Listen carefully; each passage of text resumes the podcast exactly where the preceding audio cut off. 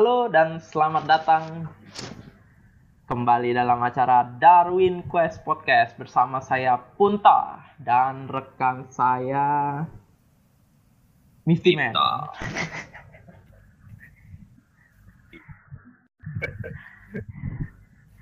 Oke, Eh, kita bahas apa nih kali? Kita kali ini akan bahas eh, bakteri yang menga- Bahas akal. Bakteri eh, satu spesies bakteri yang dia ini sebenarnya menghasilkan apa racun paling mematikan di bumi salah satu racun paling mematikan di bumi Mematikan Heeh. racun tapi biologis ya, racun Ah, ah, biologis. racun biologis yang paling memat yang salah satu racun biologis yang paling mematikan di bumi tapi dengan keisengan manusia eh, dipakai untuk kosmetik tra- treatment kecantikan lah ya nggak lain dan nggak bukan adalah Clostridium botulinum Bot, botulinum. yang produk kecantikannya itu namanya botox. Botox. Tapi sebelum ke situ, minggu lalu tuh kan kita bahas tentang vaksin. Ya kan? Ya. Episode Apa- lalu tuh kita kita bahas tentang vaksin, tapi kita tuh lupa ngasih disclaimer kalau vaksin itu tidak untuk menyembuhkan, tapi untuk mencegah penyakit itu menjadi lebih buruk. Udah gitu aja kan? Kemarin udah bahas itu kita. nggak ada kita kemarin nggak nggak bahas itu nggak bahas nggak bahas apa nggak ngasih disclaimer kalau vaksin itu apa tidak menyembuhkan bukan penyakit disclaimer, Ah, ah. tapi ada di bahasan. Hmm, kayaknya nggak ada deh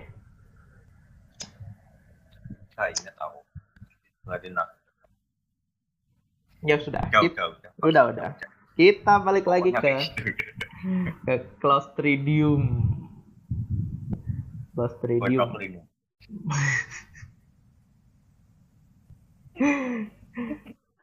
Aduh, Clostridium botulinum. Nah, Clostridium botulinum ini kita kenalan dulu lah ya, kenalan dengan Clostridium botulinum. Pertama taksonominya, wis. Domainnya udah pasti nih, bakteria.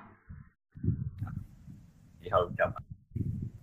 Yang pertama kali paling gampang deteksi itu gram positif.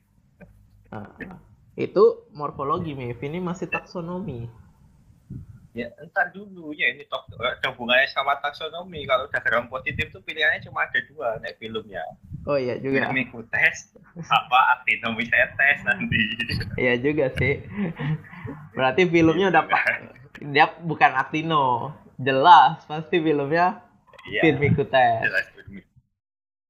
Kelasnya Clostridia, ordernya Clostridiales, familinya Clostridia CAE, genusnya Clostridium, spesiesnya Clostridium botulinum. Yes. Nah, masuk ke morfologi tadi. Udah pasti nih pertama nih gram positif. Bacillus juga kan. Sebenarnya pas awal kali ditemukan dia dikira Bacillus juga kan soalnya Iya, karena bentuknya ya. basil, basil ya. Basil dan bisa bikin spora, Hmm. spor forming bakteria kan. Iya. Kata-kata Bacillus. Ah, ah. Performing bakteria. yang Nah. Clostridium di- Clostridium ini juga bisa jalan-jalan karena dia motil bakterium. Form, Ah, ah. ya ke mana-mana. Bisa ke mana-mana. Itu morfologi umumnya. Terus kita masuk ke biokimianya, biokimianya. Tadi si Clostridium ini nih benar-benar obligat anaerob. Yang artinya Tapi aerotoleran. Enggak, enggak sama sekali bahkan. Sama sekali kok. Oksigen. Oksigen dikit gitu oksigen dikit gitu langsung ini ngeracun di sel dia dia tuh anaerob obligat jadi ok- kadar oksigen di atas 2% itu dia langsung bikin endospor untuk melindungi diri Iya, iya. Kan satu persen masih, hmm. tapi masih punya super oksigen mutase kan, walaupun nggak banyak. Iya, cuman kan itu malah super oksidat di mustase itu kan malah pertahanan dia untuk oksigen itu kan antioksidan. Iya. Iya, emang antioksidan tuh. Heeh, ya berarti Dia kan bertahan doang. Uh, bertahan dikit itu supaya dia itu nggak keracunan oksigen, tapi oksigen sedikit aja dia udah meracun ke selnya nih. Berarti itu cuma trigger buat dia, wih murah wih gitu. Mm-mm. Nah. si Clostridium ini kan juga dibagi-bagi tuh apa namanya ada yang dia bisa proteolisis ada yang dia bisa sakarolisis gitu kan. Nah itu nanti dia untuk ngebagi kelasnya ya kelas-kelas eh, phenotypic group dari Clostridium botulinum. Jadi apa ya type strainnya tapi dibagi dalam grup gitu ya. Grupnya itu ada grup 1, 2, 3, 4 Buat spesies ya. Apa? Subspesies ya? Ya, bukan. Masuk spesies kok, enggak tuh. masuk. Kan enggak ada subnya. eh, iya. Tetap tetap Clostridium botulinum. cuman dia ada grup 1, 2, 3, 4 itu berdasarkan toxic type yang dihasilkan kemampuan dia proteolisis kemampuan dia sakarolisis terus host penyakitnya sama ininya apa namanya gen toksin gennya itu di mana Ini ber- berarti apa? Sebenarnya kan dari sisi 16S-nya masih sama semua, Mm-mm. mirip-mirip. Ma yang ter ter apa? digantungin gen beda-beda gitu. Mm-mm. Mm.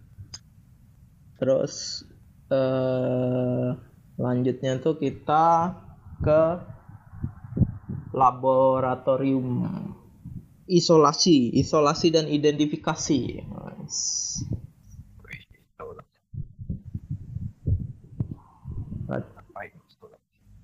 Ini berarti kan harus ini tadi anoksik ya. Mm-mm, Boleh ada oksigen kalau plastik betul. itu. Harus anoksik terus s- sebenarnya it, it- eh, Clostridium botulinum ini dia tuh punya different agar nggak ya? Ada different agar kan? Untuk Ya. untuk bikin dia itu berwarna gitu. Apa sih bahasanya Diferensial apa? Apa untuk dia markernya. Kalau kita numbuhin eh, bakteri itu untuk screening kalau dia itu biar kita bisa ngeidentifikasi kalau itu koloni Clostridium botulinum. Biasanya tuh ada dua apa dua medium yang paling umum digunain yaitu TSC sama SFP TSC itu tryptose sulfit aku bingung bacanya ini gimana nih. Cycloserin Cycloserin sama SFP bacain mi. Apa SFP? Sahadi Ferguson perivingens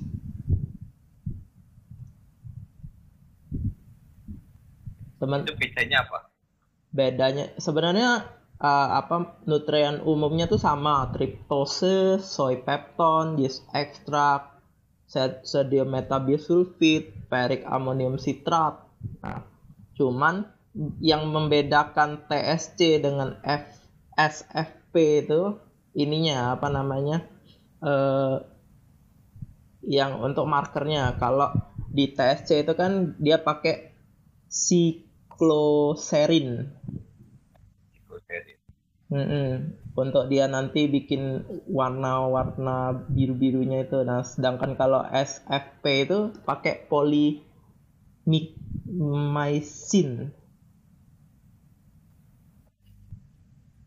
sama kanamisin sulfide tapi dua-duanya itu sebenarnya sama ininya. Apa namanya? Sama-sama untuk different. Agarnya Clostridium botulinum. Cuman yang lebih umum itu TSC digunain di penggunaan umum lah ya.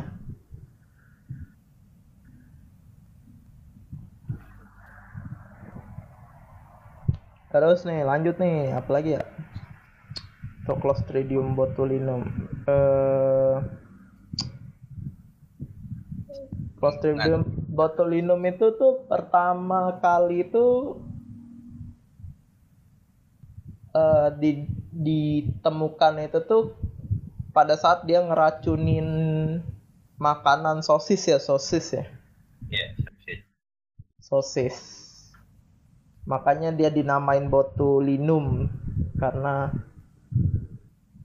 apa bahasa apa itu? Sosis itu botulim. Apa sih? Botulinum. Apa sih Bahasa mana sih itu Lat- Latin? nggak tahu aku Botulus. Bot- Botulus itu sausis Hmm, di Latin. Botulinum. Botulinus awalnya. di Gara-gara industri makanya dia awalnya dinamain Bacillus itu. Ah, ah. awalnya ya itu awalan banget itu Ya awalnya. Oh, ternyata kok anaerob.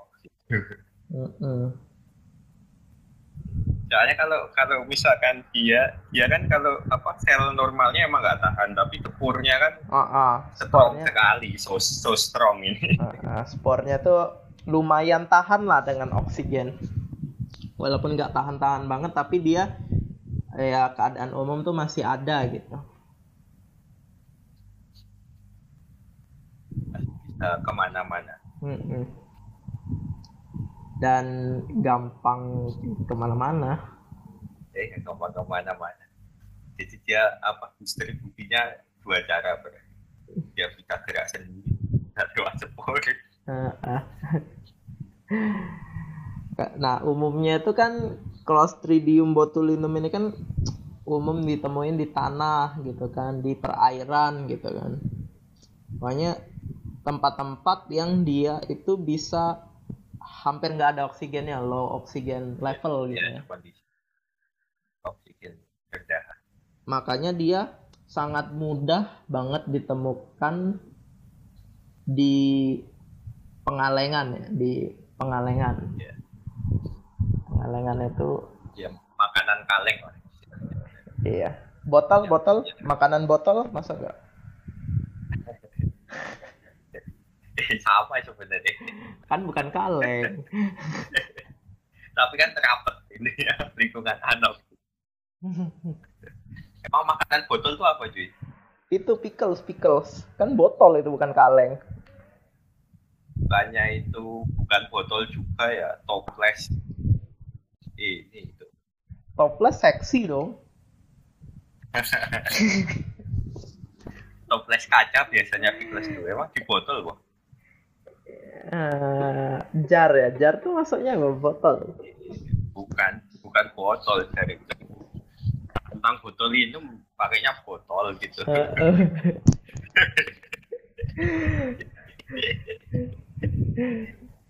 Kalau pakai nyejar nanti Clostridium jarene sopo.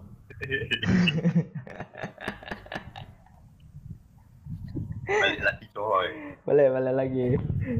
Sampai mana tadi? Aku lupa malah. Sampai dia ditemukan. Sampai ditemukan. ketemu Hmm. Itu ngeracunin eh, sudah apa bikin kera bikin kasus keracunan ya di Di mana itu kasus keracunannya, di Jerman Di Jerman.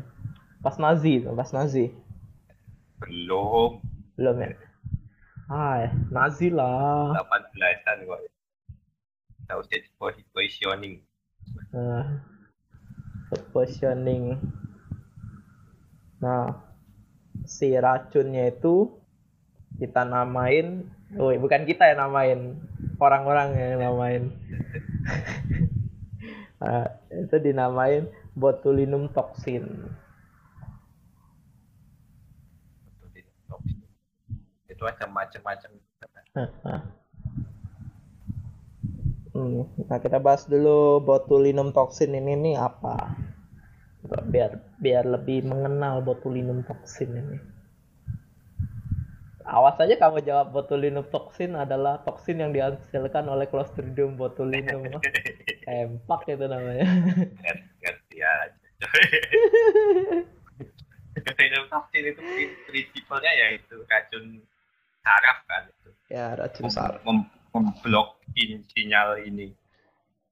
Sinyal transmitter buat ke otot gitu. Ah, ah, makanya makanya nggak terkirim ah. ke ini gangguan frekuensi. Ya, akibatnya kalau keracunan botulinum ini eh, botulin botox ya, botulinum toxin ini Eh, eh, akibatnya tuh sarafnya eh, apa ototnya jadi kayak lemes Nggak. gitu, paralis apa nggak sih? bisa Eh, eh. nggak bisa dikontrol lah otak nyuruh ngapain dia Eh, dia nggak mau Dia dia glepeh aja gitu. apa bahasa Indonesia aja ya? Ya glepeh lah, gak, kayak orang lemes gitu lah.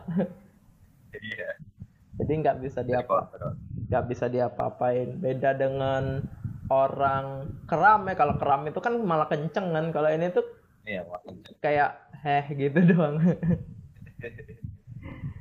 beda. Nah si botulinum toxin ini sebenarnya tuh toksin yang eh, base-nya itu sebenarnya protein kan? Dia terdiri dari beberapa asam amino kan? Jadi sebenarnya uh, untuk ngedenaturasi si si toksinnya si botulinum ini sebenarnya cukup gampang. Yaitu dengan pemanasan atau dibikin pH-nya kurang dari 3 jadi terdenaturasi kayak gitu. misalnya kalau protein sih spesifik kan. Mm-mm. Hanya saja biasanya kenapa eh, kalau di pengalengan itu kan biasanya pH-nya kan nggak nggak pH asam ya. Jadi justru terbentuknya tuh pas sudah di pengalengannya. Makanya dan jarang juga pak apa makanan kaleng itu dipanasin kan. Biasanya langsung gitu kan dimakan. Pur gitu kan pas pas Hmm. ya bentuk oh ya dia bentuk toksin ini cuma di kondisi anaerobnya Mm-mm. kalau aerob ya tumbuh aja nggak mau Nah, eh, untuk dosisnya sendiri, eh, lethal dose-nya itu untuk yang type A, ini yang karena yang paling umum gitu, type A itu yang paling umum, itu tuh sekitar 1,3 sampai 2,1 nanogram per kilogram berat tubuh. Itu kalau dia disuntikin, diinjek.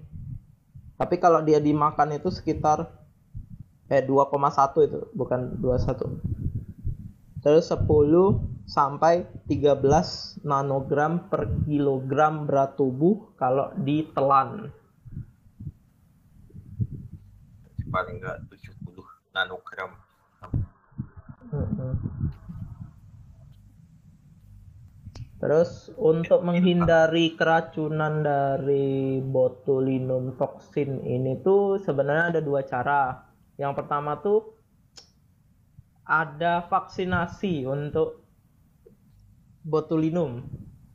Cuman yang nggak tahu sekarang masih ada apa enggak ya itu eh, apa program vaksinasi untuk botulinum itu. Soalnya seingatku udah nggak dilanjutin lagi oleh FDA. soalnya ini juga low juga kasusnya kan nggak begitu banyak Ah, ah. apa botulism penyakitnya namanya botulisme aja. Iya, penyakitnya namanya botulisme. Apalagi kan kalau yang sekarang ini udah udah oke okay lah. Apa sekarang itu justru naik lagi Mif kasusnya botulisme lagi, itu ya? karena ini orang eh, orang-orang mulai nggak tahu ini campaign dari mana jadi tuh uh, madu itu loh madu untuk bayi yang umur satu tahun ke bawah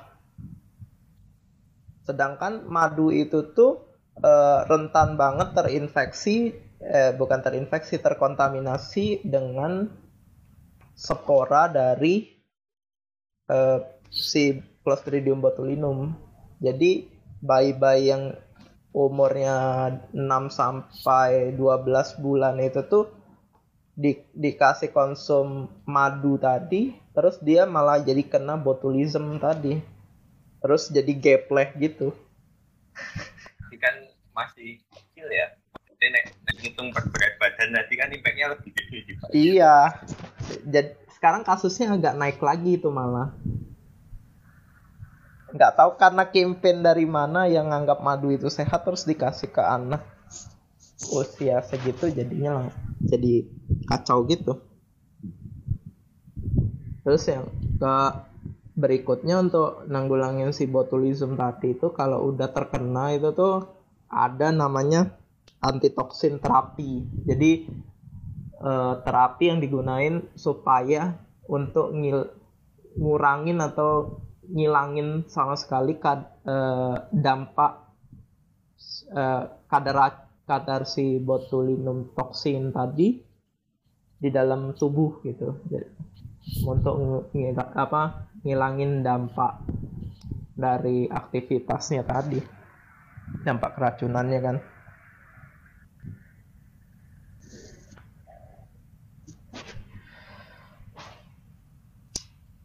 uh, kalau di industri makanan tuh botulinum tuh sebenarnya bisa di ini enggak sih Mif? Bisa di ada nggak sih uji QC-nya lah? Kalau langsung paling sebelum pengepakan kali ya. Uh, uh, uh. Tes sampling gitu doang di tempat ya Fred. Uh, uh. Itu biasanya pakai apa? Ya itu karena dia pakai ini tuh kalau toksinnya itu kan berarti pakai Elisa itu paling gampang. Uh, oh Elisa. Itu apa lagi? Elisa tuh apa? Udah jelasin Elisa itu apa? Elisa itu enzim link Immunoabsorban Assay. Itu singkatannya. intinya ini. Ya, intinya tuh biochemistry assay yang dia di situ ada antibodinya. Dan antibody. Uh -uh. Jadi enzim ini aktif kalau itu connected gitu. Mm -mm. Makanya dia bisa pakai substrat kan nanti berubah warna swap gitu. Yang, yang labelnya tuh digosigranin. Itu kan tadi yang paling cepat kali ya ujinya. Uh -uh. Uh, yang lain qPCR itu untuk ini apa tahu ada atau enggaknya si endospor. Botulinumnya. Uh -uh. Botulinumnya kan itu. Uh -uh. Iya kan bisa juga mRNA-nya reverse. Jadi biar tahu kadar si ininya, kadar si botulinumnya kan juga bisa berarti. Ya.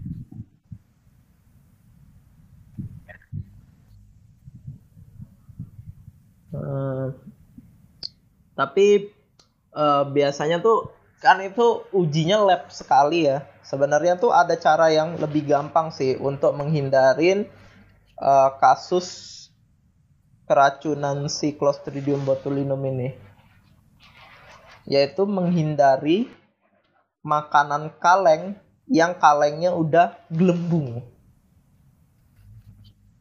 Iya, nek, nek itu kayaknya nggak perlu di. Hah?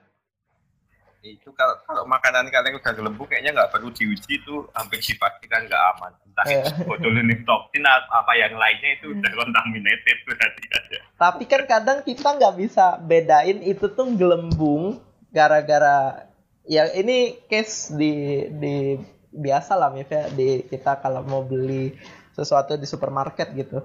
Kadang tuh kan dia kebengkok gitu gara-gara jatuh gitu. Kan juga kelihatan wah ini udah nggak bener nih apa kalengnya gitu.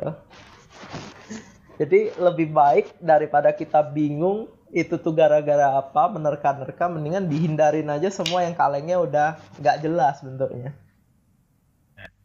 jadi ya normal normal baik baik Yang yang baik-baik saja yang di iniin. Soalnya ya ribet juga sih itu sebenarnya. Gambling ya itu apa Russian roulette.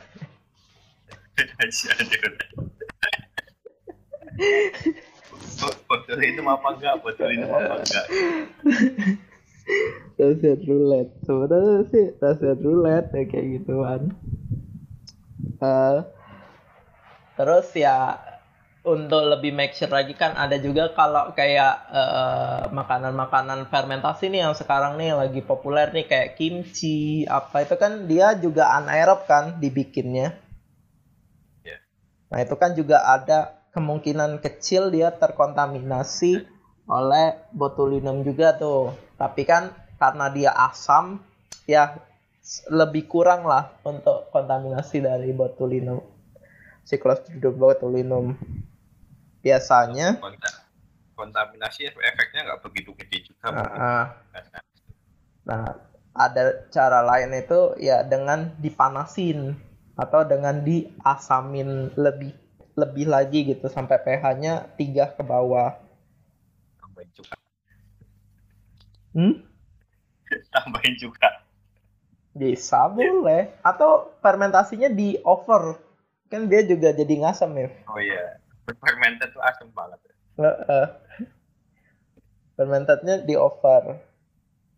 Oh, tadi tuh kita tuh belum nyinggung kenapa si eh, apa kalau gelembung itu dia itu identik dengan adanya botulinum. karena itu dia Dia tuh ya karena Clostridium botulinum itu dalam kondisi anaerob itu sebenarnya dia juga ngasilin metabolit lain yang ngasilin gas dia. Jadi H2 dan CO2 itu dia bisa ngasilin dalam kondisi anaerob. Makanya itu kalau dia melakukan fermentasi muncul gas itu gasnya tadi ketrap di dalam kaleng jadinya kalengnya gembung kayak ditiup gitu kan jadinya. Soalnya tumbuhnya ya emang Mm-mm. bukan naik Ya. Terus eh itu tadi kasus lain tuh ada nggak sih selain eh, keracunan makanan kalau botox tuh? Dia tuh terkenalnya karena ngeracunin makanan doang kan awalannya. iya iya iya Ngeracunin madu, ngeracunin apa-apa gitu. Ngeracunin makanan kaleng. ya kalau hewan-hewan aku nggak ngerti lah itu keracunan apa Ya keracunan ini juga biasanya di ikan tuh kalau hewan-hewan burung itu kan dia keracunan ikan yang ada botulinumnya. Sama kejadiannya sama kayak manusia. Jadi eh, mekanisme action dari si botulinum toxic itu sama mau di hewan mau di manusia ya paralyze. itu kalau burung tiba-tiba kena botol itu satu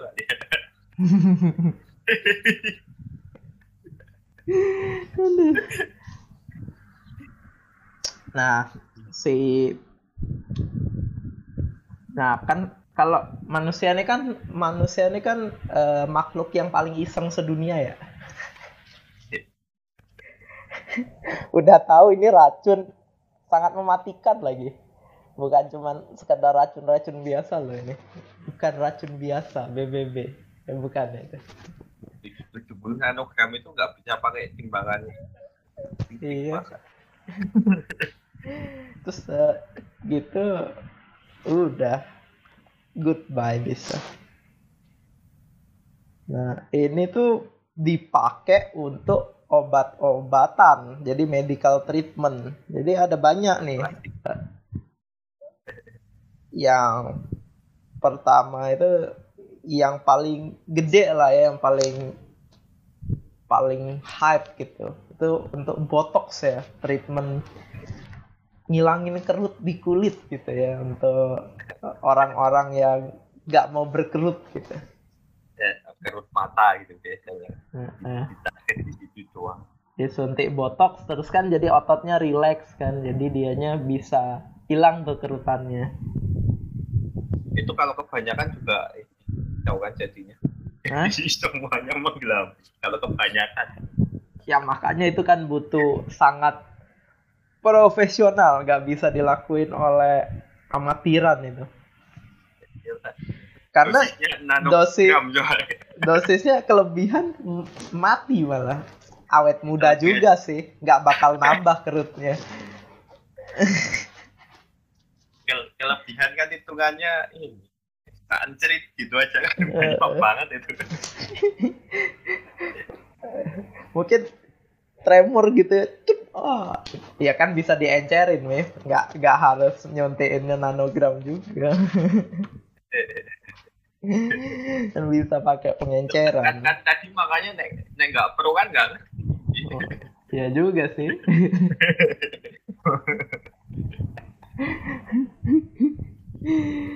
Terus dia juga bisa untuk treatment untuk upper motor neuron syndrome. Salah satunya tuh cerebral palsy. Palsy. Palsy. Jadi dia biar bikin yang tegang tadi jadi ah gitu. Mungkin juga bisa untuk ini kali ya Parkinson kali ya.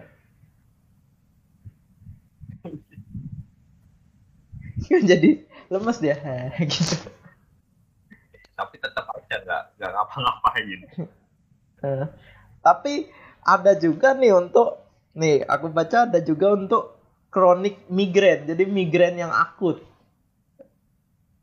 Jadi relax gitu ya. Uh, uh. jadi nggak tegang lagi gitu di kepala gitu di pakaiin itu. Nggak tahu sih gimana cara penggunaannya cuman di situ ada apa namanya untuk migrain terapi untuk migrain. Ada juga terapi untuk depresi nah aku nggak tahu ini kalau yang depresi ini kayak mana. Bunuh diri atau gimana nih maksudnya?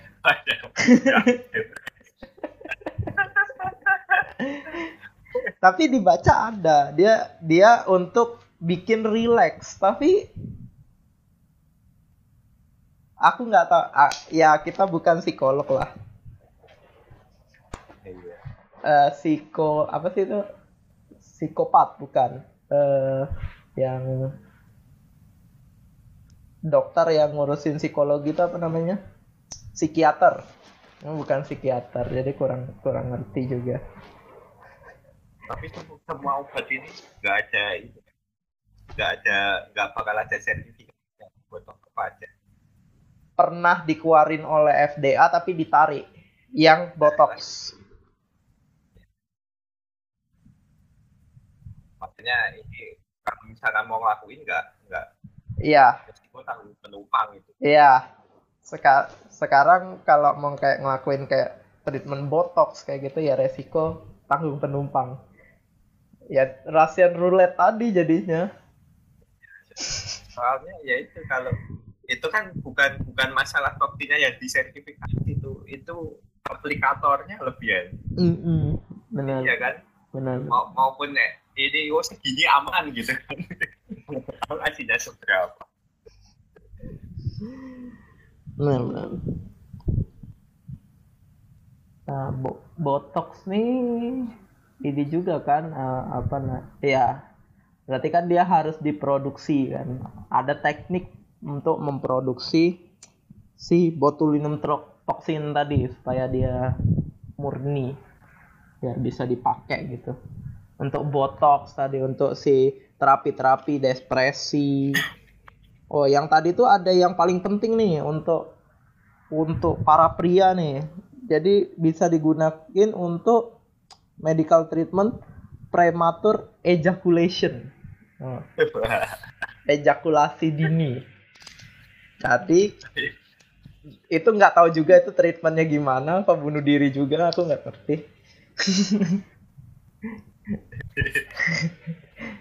Cuman dia ya, kayak... di study itu ada untuk premature ejaculation. Untuk treatment itu penggunaan si botulinum toxin tadi. Sama kalau di botok tadi itu kan sebenarnya tubuh kita sendiri melakukan auto recovery gitu ya semacamnya. Hmm. makanya makanya kalau orang suntik botok itu nggak nggak bisa cuma di seumur hidup. Iya terus terus terus botok terus. Nggak ada masa pakainya gitu. Sampai sinyalnya.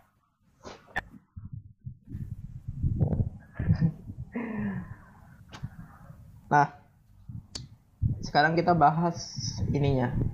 Cara produksi si botox tadi supaya bisa digunain untuk medical treatment tadi.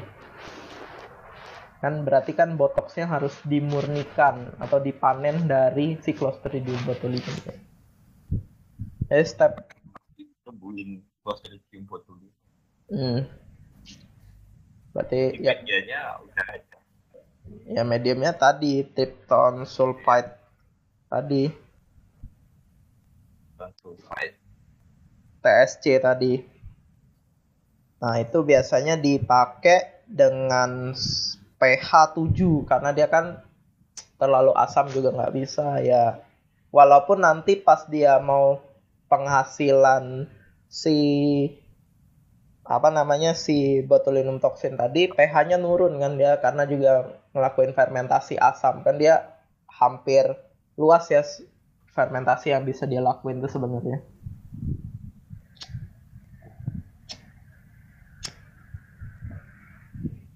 Jadi nanti pH-nya tuh turun sekitar jadi 4,6 gitu. Tuh, tapi untuk pH awalnya itu kita set biasanya di 7. Terus temperatur fermentasi yang dipakai itu 35 sampai 40 derajat Celcius dengan kondisi oksigen terlarutnya itu 2%, di bawah 2%. Oh, 2%. Oh, mak makanya kan itu tetap ditahanin pH-nya di 4,6 juga kan. Kalau hmm. bisa bertahannya oksigennya kan segitu juga. Mm ke bawah dia sedikit terus ferm pas selama fermentasi ini kan dia biar gak ada oksigen itu biasanya juga fermenternya itu dialirin N2 ya kan? Dialirin flow N2 apa nitrogen gas gitu kan supaya menjaga kondisinya tuh tetap anaerob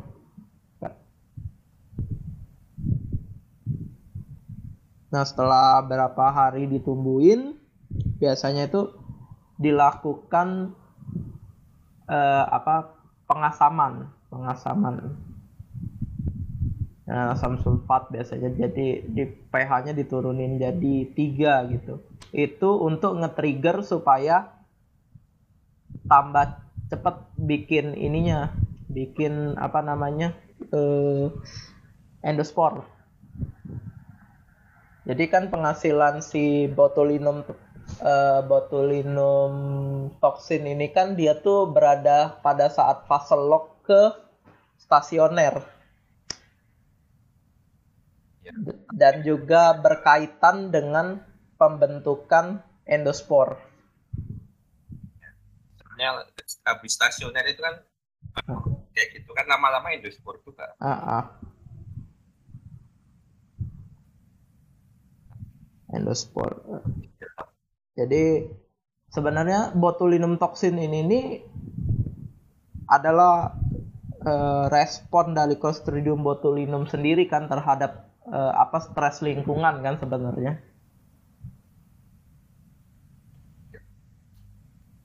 Untuk supaya dia bisa tetap aman lah saat uh, lingkungan udah nggak mendukung gitu terus dia bikin endotoksin eh endo endospor ngasilin si botulinum toksin tadi kan supaya pas kondisinya oke okay lagi cuman dia yang ada di situ kan. Sebenarnya kan gitu kan mekaniknya. Fase pernah lihat itu fase paling rentannya dia juga kan, mm -mm. kan. Makanya ya, mikroorganisme lain. Uh, uh, supaya dia juga bisa kompetitif dengan mikroorganisme lain kan juga karena kan itu ibaratnya bikin endospor itu tuh dia tuh kondisinya tidur ya. Kita ngobrol ngobrol kan ini. Mm. Oke, kita lanjut lagi tadi. Setelah difermentasi udah bikin uh, si botulinum toksinnya itu udah banyak. Ya sama kayak kemarin kita ngobrolin vaksin udah udah ada yang bahan ininya tinggal dipurifikasi dan persis loh apa cara purifikasinya karena sama-sama base-nya tuh protein protein fish ya, filtrasi, kromatografi gitu. Cuman dia nggak diinaktivasi. Oh, ya, ya kali mau produksi toksin dia inaktivasi. ya siapa tahu.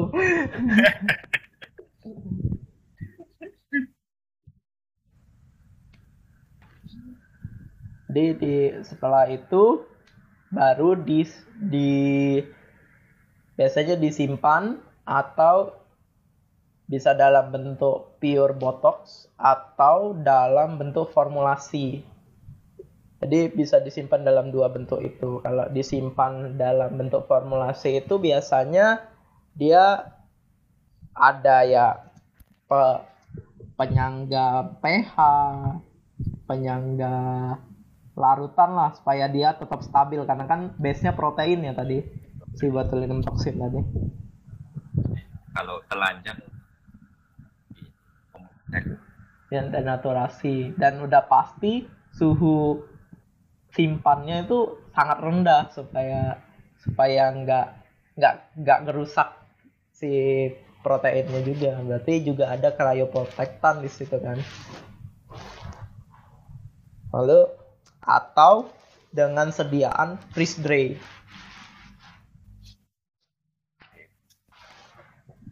Kalau yang produksi botox sendiri mana aja tuh emang itu botox di, itu udah udah ini udah enggak, merek dasar di, di, di Indo gitu ada nggak? Nggak ada kayaknya. Nggak ada ya kayaknya kita impor deh. Kita cuman banyak klinik suntik botoxnya kalau nggak salah.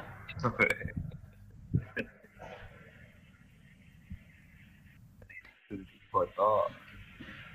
Ya, itu sih semuanya tentang botulinum toxin sih yang Clostridium botulinum dan botulinum toxin. Nah, paling ini yang yang kontroversi-kontroversinya. Tinggal kita ngobrolin tentang kontroversi-kontroversinya Clostridium botulinum.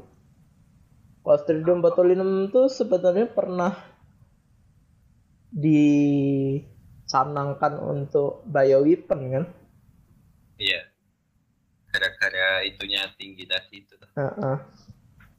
tingkat kematiannya tinggi apalagi zaman dulu gitu kan yang belum ilmu pengetahuan belum berkembang kayak sekarang gitu kan jadi kan rate, kematian kalau nggak tertangani kena botulinum itu kan 90 persen. Mm -hmm. ditangani aja masih jaritnya di 10 persen jadi masih ada kemungkinan mati ya ya kita tadi itu sebenarnya belum nyinggung kenapa sih si botulinum toksin ini bisa mematikan ya di, dilihat dari impactnya itu tadi kan. Ya kan dia ya kalau kalau kalau sarafnya cuma apa kayak di botok tadi itu cuma di apa di area mata gitu doang. Area mata area sendi gitu ya. Jadi cuma iya. kepleh doang gitu. Kayak mana kalau iya. otot jantung atau otot iya, paru-paru? ya otomatis makanya bisa napas. uh, impactnya impactnya kan nggak nggak cuma apa otot-otot gitu juga kan? Mm-hmm. apa lebih ke pusing gitu juga kan itu mm-hmm. headache kan? Iya. Kalau udah nyebar ke mana-mana. Paling untuk diagnosisnya ya untuk diagnosis keracunan botulinum toksin itu tuh sebenarnya dia kita ngerasa sesak. Ngerasa sakit jantung kayak gitu. Tapi tekanan darah kita normal. Benar nggak? Iya tekanan darah kita normal. Kita ngerasa pusing ada kayak gitu. Tapi ini kita uh, suhu tubuh tuh normal. Nah itu kita harus waspadai kalau kita itu keracunan si botulinum toksin tadi. Udah pusing lemes-lemes tapi kok suhunya normal gitu. Uh, uh. udah kayak orang demam tapi kita nggak demam gitu. Uh, uh. meriang. Gitu uh, uh. Nah itu kita harus waspada kita jangan-jangan keracunan botulinum toksin gitu. Hmm, terus apa lagi ya? Tadi kayaknya aku mau ngomong sesuatu tapi aku tiba-tiba lupa. Bioweapon. Udah tadi. Apalagi? Apalagi ya? Botulin. Oh, sebenarnya ada dua mekanisme kayak mana caranya si botulinum toksin ini ini bisa ngeracunin tubuh kita. Yang pertama itu dengan uh, endospornya masuk ke badan kita, terus dia ngefermentasi lagi di dalam badan kita ngasilin si botulinum toksin. Hmm. Yang kedua direct botulinum toksinnya. Uh -uh. Jadi untuk ngindarinnya tadi kayaknya tadi udah udah dijelasin belum sih? Jadi sup, uh, supaya kita make sure nih uh, untuk ngindarin kita keracunan si Clostridium botulinum nih cara yang paling gampang itu dengan cara masak makanan kita itu kira-kira mendidih ya 100 derajat Celcius selama 10 menit. Itu tuh udah ya mungkin nggak nge ya bisa ngebunuh si si apa si bakterinya mengurangin lah paling nggak kalau nggak nggak nggak ngilangin sama sekali juga ngerusak si toksinnya tadi dia didoktif dok uh, detoksifikasi gara-gara suhu tinggi atau kalau kita misalnya uh, hobi nih ngelakuin apa namanya pengalengan atau pem, pen, penjaran apa sih? Kayaknya kalau sendiri jarang deh orang hobi pengalengan. Hmm, ada kok. sekarang udah populer tau kayak kaleng-kaleng jus buah itu loh banyak sekarang. Susu iya, iya. kalengan loh sekarang kalengan. Yang home gitu ada po ada. Itu susu beruang? Susu beruang? Emang itu home home ini? Enggak home industry home juga. iya kan kan hobi tadi bilangnya gimana sih bu ya kan hobi minum susu beruang. Kamu hobi pengalengan tadi bukan hobi minum. Iya juga ya ya itu kan gara-gara kita iklimnya kan semua tersedia terus itu malah jadi jarang pengalengan kan kemarin itu. Kan gitu kan mungkin masih pengawetan pangan gitu kan biar dimakan tahun depan. Ya kan, tapi kan sekarang lagi ke Korea Koreaan nih, sedang bikin kimchi ya, apa segala macamnya. Nah itu diusahain pH-nya itu kalau bisa di bawah 4,6, jadi kayak 4, 3 gitu kan. Jadi dia lebih aman gitu uh, dari adanya kontaminasi Clostridium botulinum. Pastikan kimchinya udah mateng. udah gitu. Bener. Jadi nggak cuman split gitu apalagi kalau kimchi yang benar-benar kimchi itu kan kalau belum matang kan pasti banyak banget tuh bakteri-bakteri yang mungkin iya. bisa jadi penyakit misalnya kayak listeria bacillus-bacillus yang lainnya kawan-kawannya karena dia yang pertama eh, sumber nutriennya itu banyak gitu dan kondisi lingkungannya juga cukup oke okay, karena kan nggak di nggak dilakukan dengan pemanasan kan nggak ada heat treatment kan untuk produk-produk kayak gitu penggaraman. Ya penggaraman juga bisa. Hmm. Apa lagi nih soalnya ini sih kalau kalau di, di sini ngetrennya cuma itu. Apa? Cuma botok itu doang ada di sini. Iya di Indonesia tuh cuma botok. Ngetren apa lagi? Ngetren lagi. Kalau di luar tuh dia kita ya ini walaupun nggak ngetren lah siapa tahu ada yang pingin nyoba untuk industri pengalengan buah atau apa gitu Nah, itu perlu sangat diperhatikan itu untuk si jangan sampai ada kontaminasi dari botulinum toksin eh botul Clostridium botulinum tadi karena bakal panjang itu urusannya ke customer. iya. Soalnya walaupun walaupun di sini apa yang nggak tren cuma botok botulinum itu di mana-mana nggak Iya, karena perseb... uh, uh, karena persebarannya itu di tanah, di yeah. di perairan gitu, di badan perairan gitu. Tanah, air, udara, sapinya enggak. Apalagi ya dan hindari itu tadi karena kasusnya makin tinggi nih, hindarin pemberian madu ke anak yang belum cukup umur lah. Karena itu tuh uh, karena dia apa disebar lewat udara juga kan karena bentuknya e, endospor tadi kan. Dia juga nempel ke madu tadi.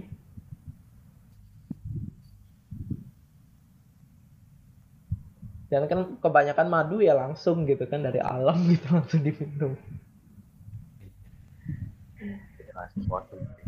hmm, nah itu juga bahaya itu apalagi ke bayi-bayi itu eh, kasusnya cukup meningkat itu di nggak tahu karena apa gitu. Mungkin ada campaign apa gitu yang aku nggak tahu.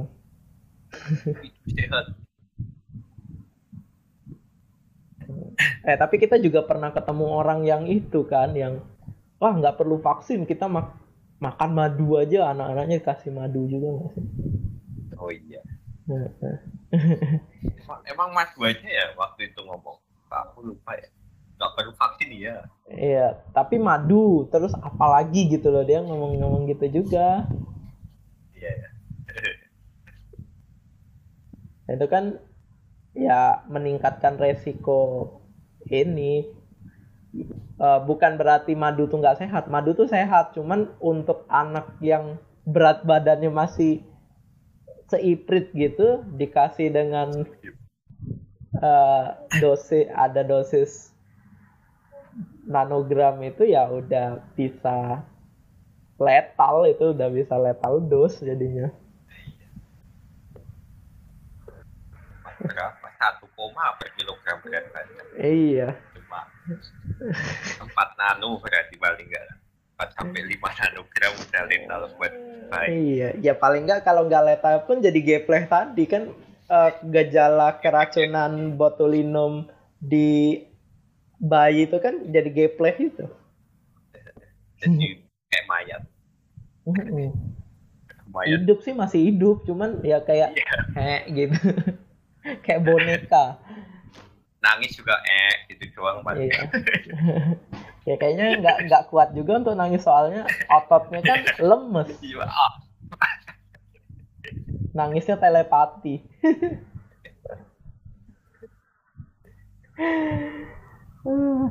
Ya mungkin itu semua lah ya. Apalagi yang bisa ditambahin dari untuk Clostridium botulinum ini. Ya Clostridium keseluruhan itu bahaya mungkin. Kalau yang betul itu. Clostridium tuh hampir semuanya bikin trouble ya di manusia. Iya. Tapi ya nggak semuanya. Ada yang enggak, tapi ya rata-rata lah sebagian besar dia bikin trouble lah.